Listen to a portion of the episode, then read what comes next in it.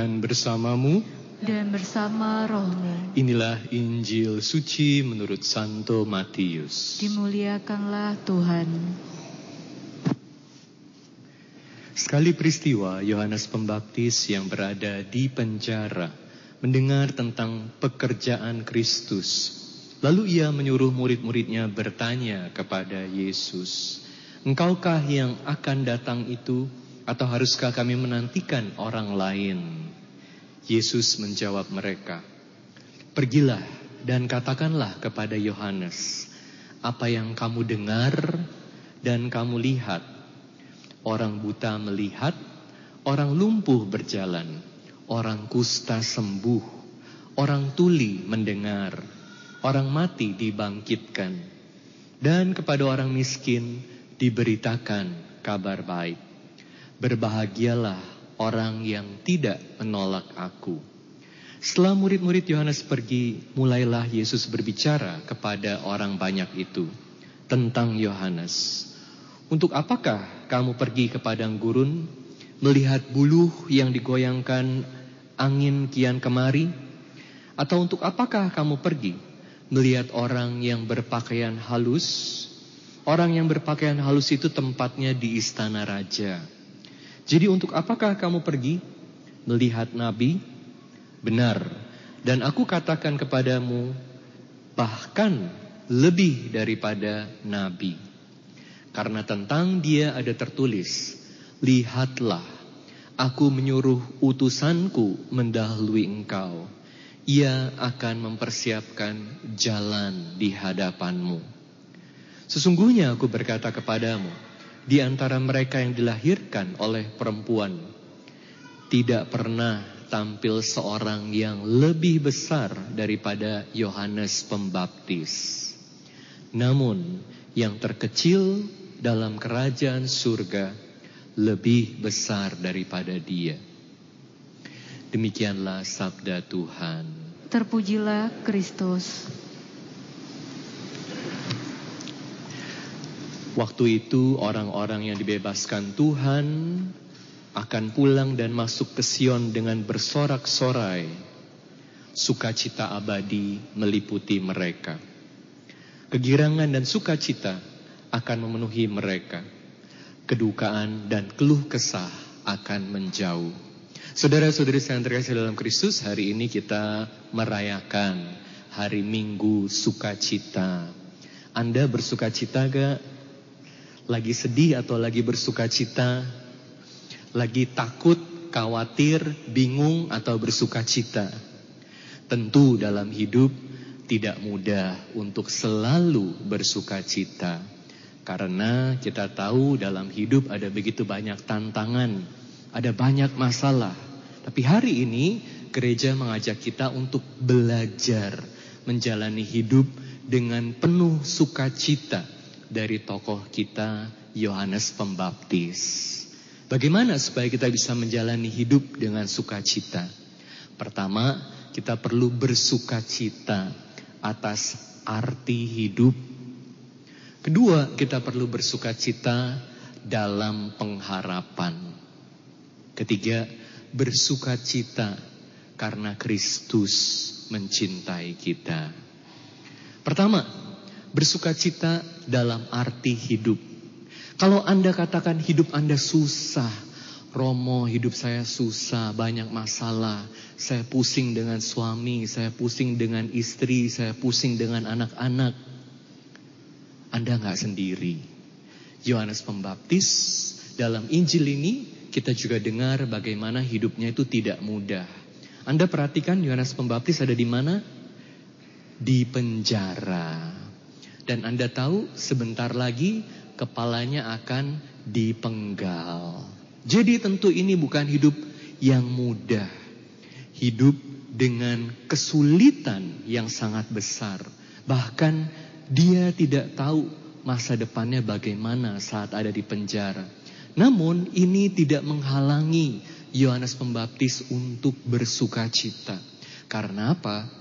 Karena dia tahu bahwa ini adalah bagian dari tugas, misi yang dia harus jalankan. Dalam hidup kalau kita terus-menerus sadar akan misi kita, tugas kita, panggilan kita, kita bisa menerima berbagai kesulitan hidup ini sebagai bagian dari hidup dan terus menjalani hidup dengan arti. Jadi yang Anda harus cari, yang kita harus cari adalah apa sih arti dari kesulitan hidup ini, penderitaan hidup ini. Misalnya, seorang ibu yang sedang mengandung anaknya. Katanya kan sangat sulit ya. Saya cuma dengar aja dari teman-teman, tentu saya nggak tahu. Tapi katanya kalau mengandung ini waktu kandungannya masih awal sering kali bikin muntah-muntah. Lalu semakin besar, semakin berat, mesti dibawa ke mana-mana. Belum lagi kalau bayinya rewel, bawaan bayinya katanya ditendang sana, tendang sini, muter sana, muter sini, bikin gak bisa tidur, bikin gak bisa kerja, bikin gak bisa lakukan apa-apa. Dan terutama saat harus melahirkan, kalau sekarang kan ada operasi sesar, gak terlalu sakit pakai anestesi. Tapi kalau dulu harus keluarin bayinya dengan cara alamiah, sangat sakit dan resikonya juga besar. Ada yang meninggal saat melahirkan. Namun demikian, walaupun tantangannya sangat besar, sakitnya sangat luar biasa, tapi begitu lihat bayinya, hilang semua sakitnya, hilang semua capeknya.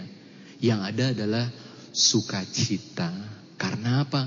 Karena menemukan arti dari berbagai tantangan ini, berbagai penderitaan ini.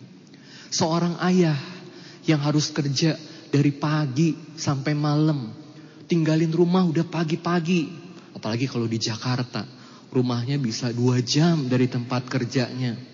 Pulang udah malam, di tempat kerja dimarah-marahin lagi. Di tempat kerja banyak persaingan, di tempat kerja banyak masalah. Kalau dipikir Buat apa capek-capek? Kenapa mesti kerja? Tapi begitu pulang ke rumah, lihat istri, lihat anak-anak, bagaimana anak-anak bisa makan dengan baik, bisa sekolah dengan baik, bahkan sampai lulus kuliah.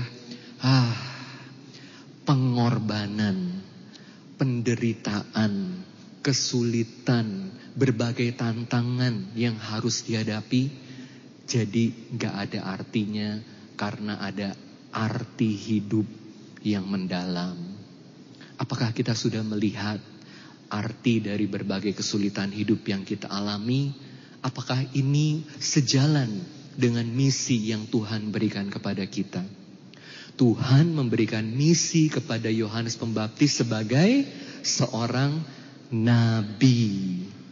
Dan tentu sebagai seorang nabi yang mewartakan sabda Tuhan, ada begitu banyak tantangan dalam hidup. Tapi jangan takut dengan tantangan itu. Kalau kita bisa menemukan arti, kita bisa hidup dengan sukacita.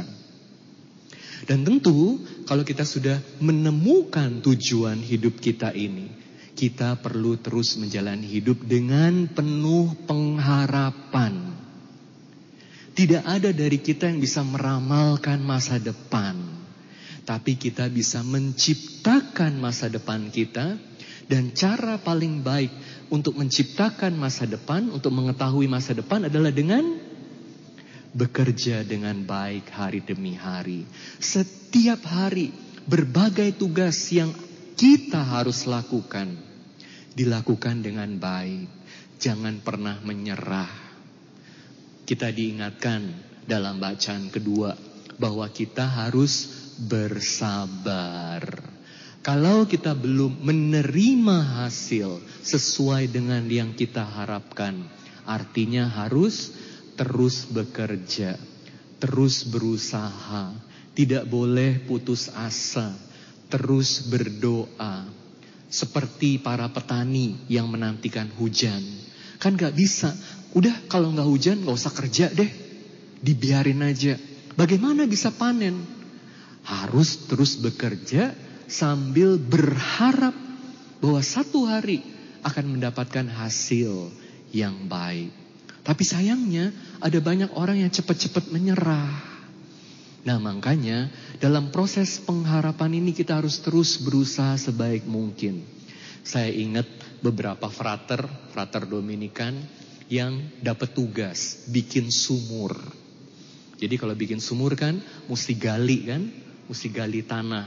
Ini nggak pakai bor mereka, jadi gali. Tiap hari mesti gali tanah. Capek. Satu hari nggak keluar air. Dua hari nggak keluar air. Beberapa hari masih nggak keluar air. Udah makin dalam.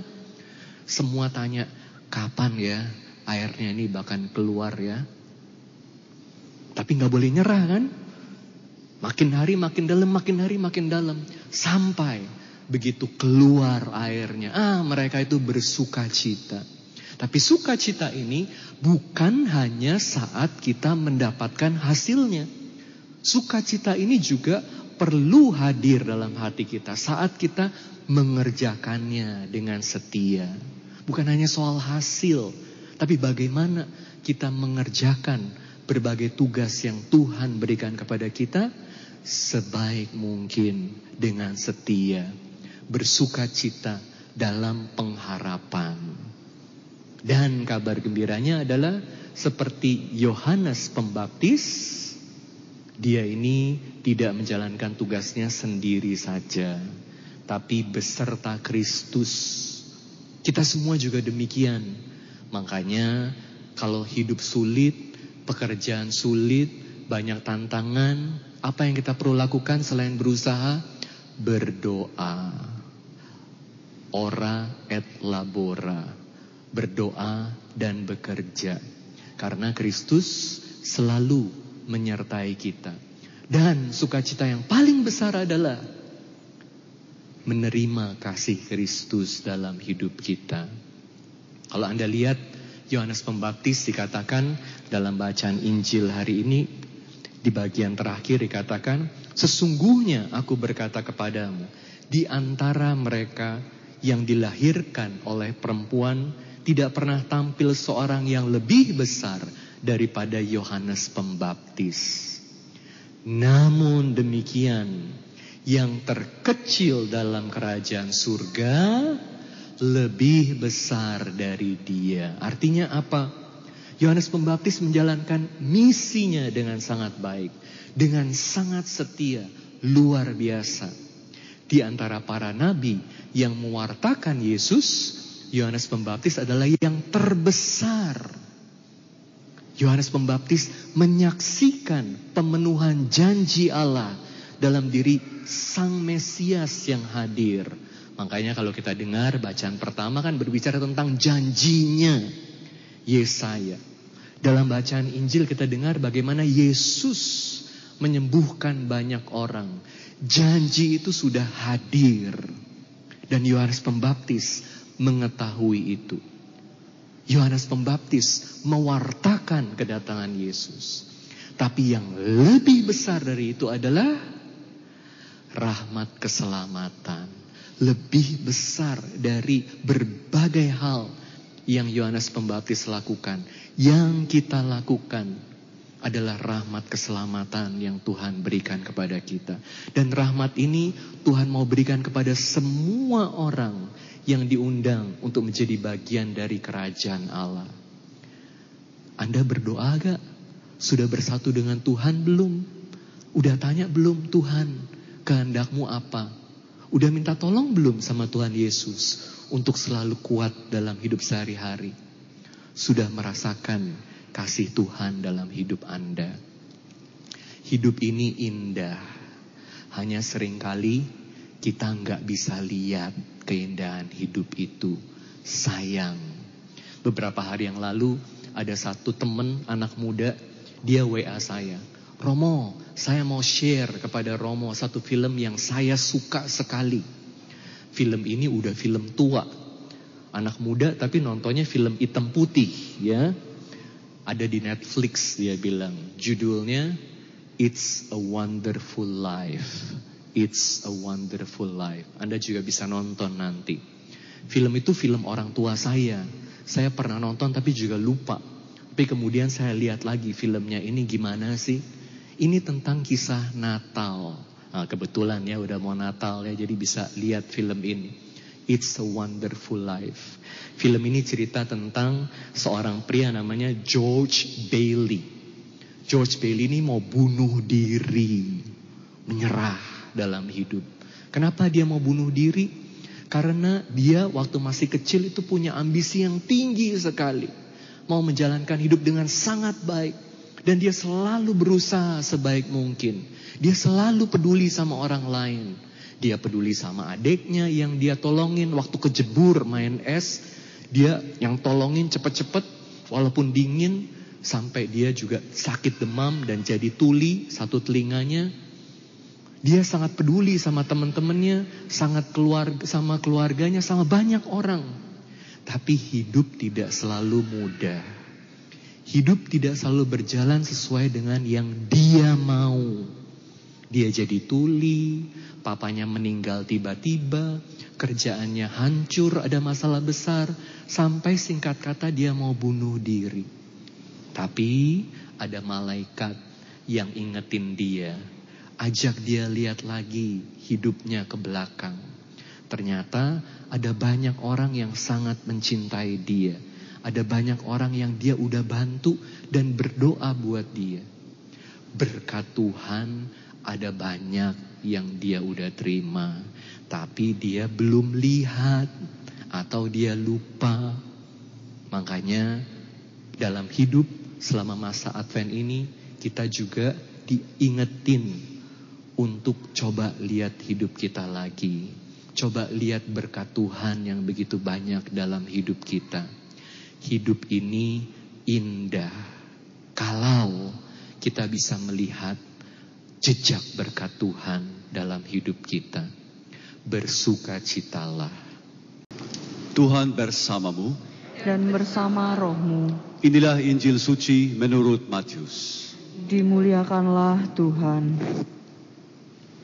Sekali peristiwa Yohanes Pembaptis yang berada di penjara mendengar tentang pekerjaan Kristus. Lalu ia menyuruh murid-muridnya bertanya kepada Yesus, Engkaulah yang akan datang itu atau haruskah kami menantikan orang lain? Yesus menjawab mereka, Pergilah dan katakanlah kepada Yohanes apa yang kamu dengar dan kamu lihat Orang buta melihat, orang lumpuh berjalan, orang kusta sembuh, orang tuli mendengar, orang mati dibangkitkan, dan kepada orang miskin diberitakan kabar baik. Berbahagialah orang yang tidak menolak aku. Setelah murid-murid Yohanes pergi, mulailah Yesus berbicara kepada orang banyak itu tentang Yohanes. Untuk apakah kamu pergi ke padang gurun, melihat bulu yang digoyangkan angin kian kemari? Atau untuk apakah kamu pergi melihat orang yang berpakaian halus? Orang yang berpakaian halus itu tempatnya di istana raja. Jadi, untuk apakah kamu pergi? Melihat Nabi? Benar. Dan aku berkata kepadamu, bahkan lebih daripada Nabi. Karena tentang dia ada tertulis, Lihatlah, aku menyuruh utusanku mendahului engkau. Ia akan mempersiapkan jalanmu di hadapanmu. Sesungguhnya aku berkata kepadamu, di antara mereka yang dilahirkan oleh perempuan tidak pernah tampil seorang yang lebih besar daripada Yohanes Pembaptis. Namun yang terkecil dalam kerajaan surga lebih besar daripada dia. Demikianlah sabda Tuhan. Terpujilah Kristus. Selamat malam. Hari ini minggu ketiga Advent. Dikenal juga sebagai Minggu Gaudete. Gaudete artinya bersukacita. Warna liturgi berganti dari warna ungu yang melambangkan bagian pertobatan dari persiapan kita untuk Natal menjadi warna rose. Saya ingat seorang Romo Amerika yang tidak menyukai warna rose. Wajahnya berubah menjadi kemerahan di sakristi. Ketika jubah di sana berwarna merah muda. Dia mengatakan bahwa warna rose sangat tidak maskulin. Dia memilih untuk tetap menggunakan warna ungu, warna ungu sebagai kelanjutan dari penebusan dosa.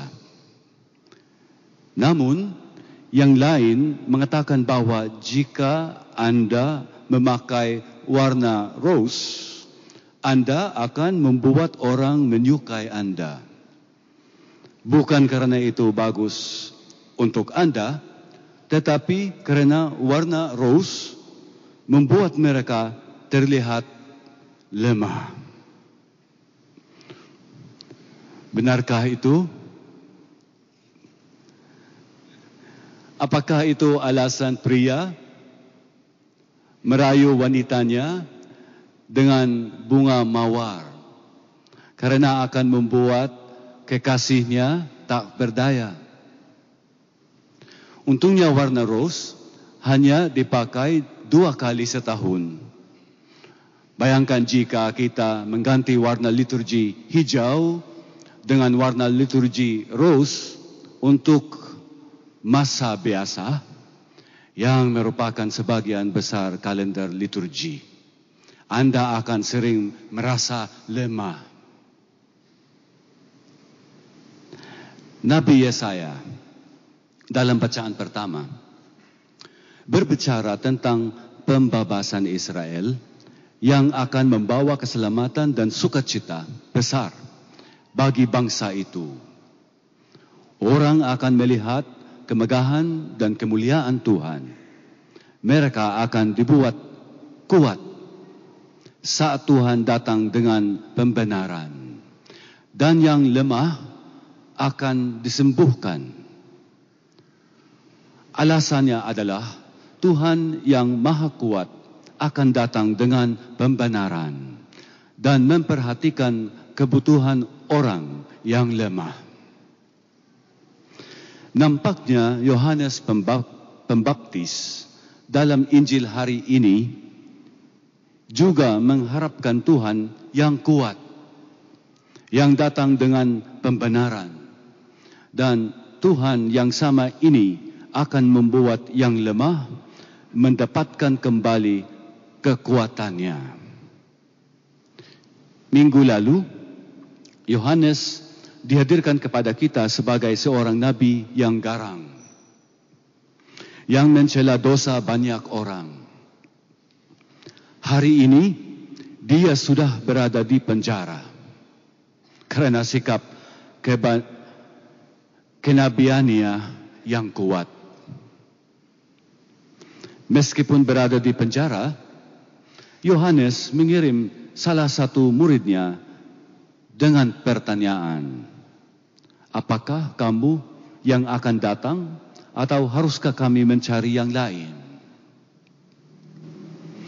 Yohanes pasti sedang menantikan Mesias yang akan menghakimi, memisahkan sekam dari gandum, yang akan menebang pohon yang tidak menghasilkan buah yang baik. Namun, misi Yesus ditandai dengan penyembuhan orang sakit dan belas kasihan kepada orang berdosa. Sikap Yesus seperti ini bukanlah yang diharapkan oleh Yohanes. Yesus memberitahu utusan itu untuk memberitahu Yohanes tentang apa yang mereka lihat dan dengar. orang buta melihat, orang lumpuh berjalan, penderita kusta menjadi tahir, orang tuli mendengar, orang mati dibangkitkan, dan kepada orang miskin diberitakan kabar baik. Nubuat Nabi Yesaya diwujudkan dalam diri Yesus. Mata orang buta celik, telinga orang tuli mendengar. Lalu orang lumpuh melompat seperti rusa jantan, maka lidah orang bisu akan menyanyi. Kabar baiknya adalah kesembuhan dan belas kasihan mendahului penghak, penghakiman. Yohanes yang kuat memang hebat. Namun seperti yang dikatakan Yesus, yang terkecil di kerajaan surga lebih besar darinya. Yesus tidak hanya menyatakan dirinya lebih besar dari Yohanes. Mereka yang mengalami kemurahan dan kesembuhan Yesus. Sebagaimana disebutkan dalam bacaan kedua yang sabar yang hatinya teguh yang tidak mengeluh akan melihat kedatangan Tuhan. Jika itu Anda Anda bisa memakai warna rose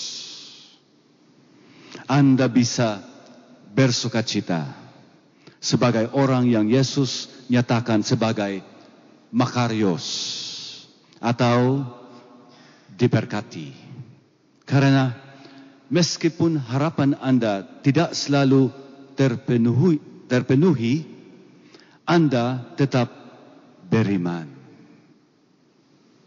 Setelah diperlihatkan belas kasihan, Anda akan diadili dengan keras oleh Yesus.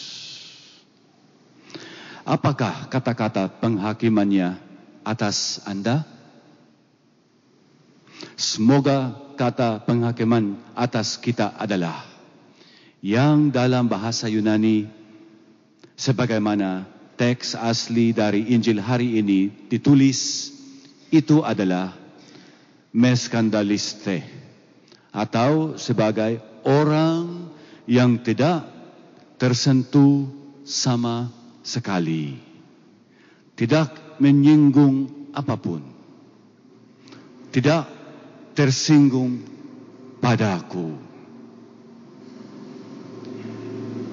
Saudara-saudari, minggu ini kita dibangunkan untuk menyadari dan berteguh hati untuk menjadi orang yang benar-benar diberkati.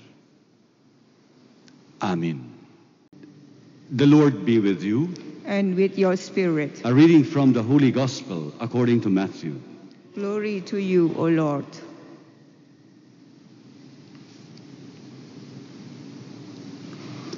When John the Baptist heard in prison of the works of the Christ, he sent his disciples to Jesus with this question Are you the one who is to come, or should we look for another? Jesus said to them in reply, Go and tell John what you hear and see. The blind regain their sight, the lame walk, the lepers are cleansed, the deaf hear, the dead are raised, and the poor have the good news proclaimed to them. And blessed is the one who takes no offense at me. As they were going off, Jesus began to speak to the crowds about John. What did you go out to the desert to see? A reed swayed by the wind? Then what did you go out to see? Someone dressed in fine clothing? Those who wear fine clothing are in royal palaces. Then why did you go out? To see a prophet? I tell you, more than a prophet. This is the one about whom it is written, Behold, I am sending my messenger ahead of you. He will prepare your way before you. Amen. I say to you, among those born of women, there has been none greater than John the Baptist. Yet the least in the kingdom of heaven is greater than he. The Gospel of the Lord. Praise to you, Lord Jesus Christ. Please be seated. Selamat siang. Today is Gaudete Sunday, the third Sunday of Advent. Gaudete in Latin is bersukacita, rejoice. In the Sundays of Advent, we wear the liturgical color is purple, ungu. And yet today, you realize that the priest is wearing rose. He's wearing pink, merah muda. Do you like it? I remember one priest. He does not like it. So his problem is the third Sunday of Advent.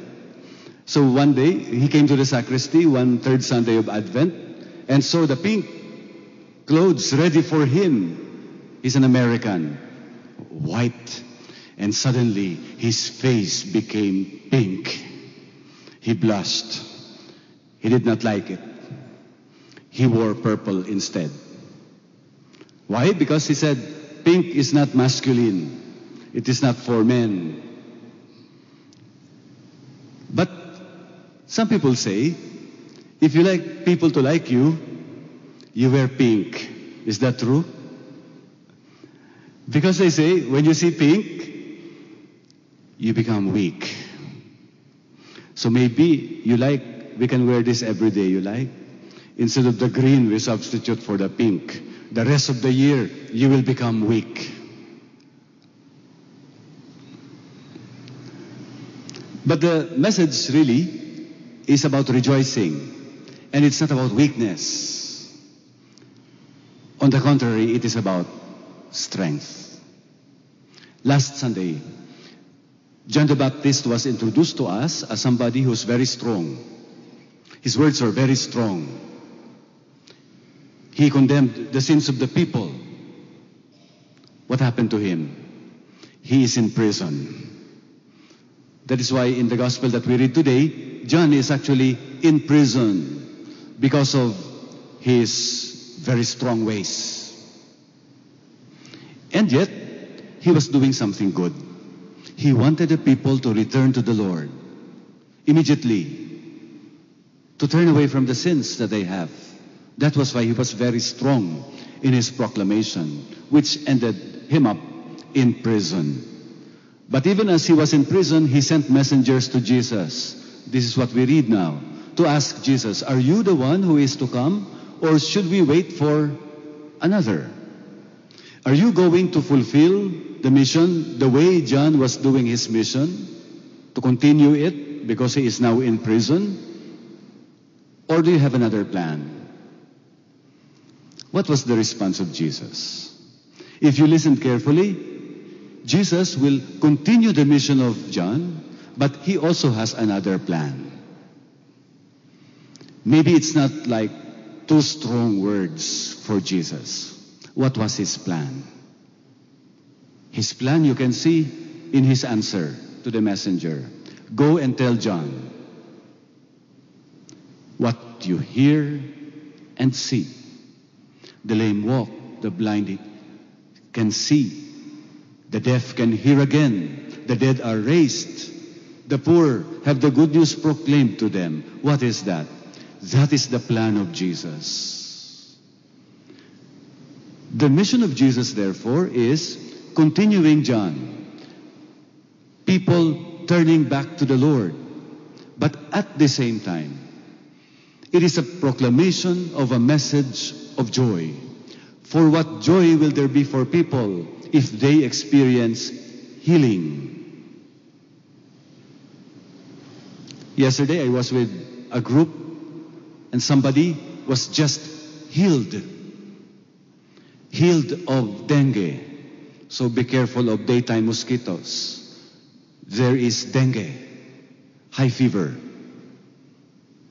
Platelets go down. So we had lunch together in a good restaurant for the platelets to go up. But what a joy to experience healing. And not only healing physically, but the Lord comes, His mission is to give healing to our souls. And that is why there is the proclamation of the forgiveness of sins. Even when Jesus was healing the blind or making the leper walk, what was he saying? Your sins are forgiven. That is why here we find a continuation of the proclamation of John. But you find in Jesus a new plan. And that plan is to inaugurate in our hearts, to put in our hearts, not fear. Because when John came proclaiming with harsh words, people might turn to God because they are afraid of God. Jesus does not like that. We don't like to just to go to God because we are afraid of what will happen to us. We are afraid that God will condemn us. So we turn to God in fear and trembling. Jesus teaches us that when we experience healing and forgiveness in our lives, for our bodies and for our souls, turn to God with joy. We turn to God with gratitude. And not only that, we turn to our brothers and sisters to share the same healing and mercy. It is very easy to say that, but really, it is difficult to practice that. In our lives, we are challenged, for example, by showing forgiveness. Isn't it so difficult to forgive? Isn't it so difficult to be patient with people who try our patience, who put us to the test? Sometimes we want to give up. Isn't it so difficult when our expectations are not met? When our dreams are not fulfilled? When our prayers are not answered? Isn't that difficult? Therefore, it is much easier to go back to the formula of John. When you have an enemy, fight him.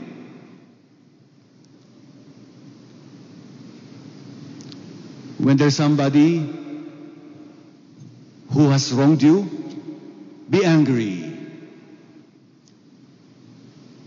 Sinners, go out. Sometimes we feel that's the easier solution. Your husband wrongs you, divorce. Your wife wrongs you, divorce. Split. Close the door. Easier. But to forgive, to show mercy, to extend more time, to wait for the person to realize the wrong, to pray to God every day. God, change this person, and nothing happens. This is the good news. This is what we rejoice about. So you can wear pink like me. if you experience that. Why? Because you are being patient. Isn't that the message of St. James in the second reading? Also the message in the gospel. For us, when our expectations are not met, when our dreams are not fulfilled,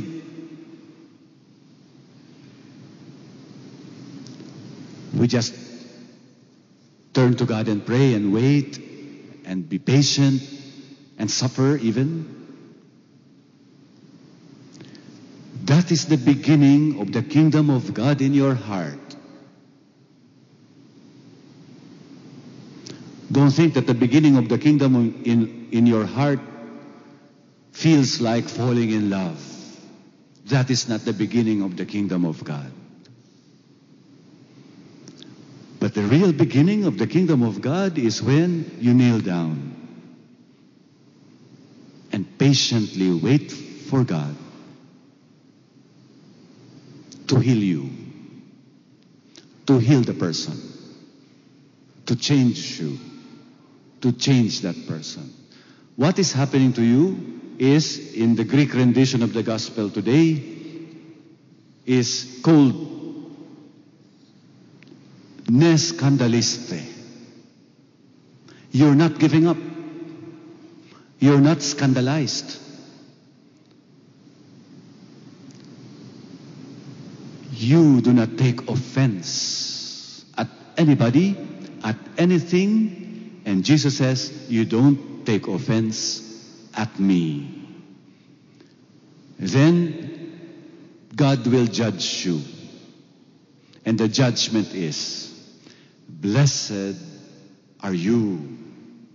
In the Greek, it's makarios. It's blessed. It is happy. Bersukachita. Therefore, the joy and gladness that we proclaim today. Therefore, the gaudete, the bersukachita, the rejoicing that we have this Sunday of Advent is not a rejoicing during party times. It is a rejoicing in the happening of the kingdom of God in our heart who are patient, in the hearts of those who are willing to hope in the Lord. May our hearts be filled with this same hope, with the same gladness, with the same patience, so that on Christmas time, we may find ourselves truly rejoicing. Jesus, God who is with us, the Emmanuel, will tell us, You are blessed. Makarios, the kingdom of God has already started in your heart.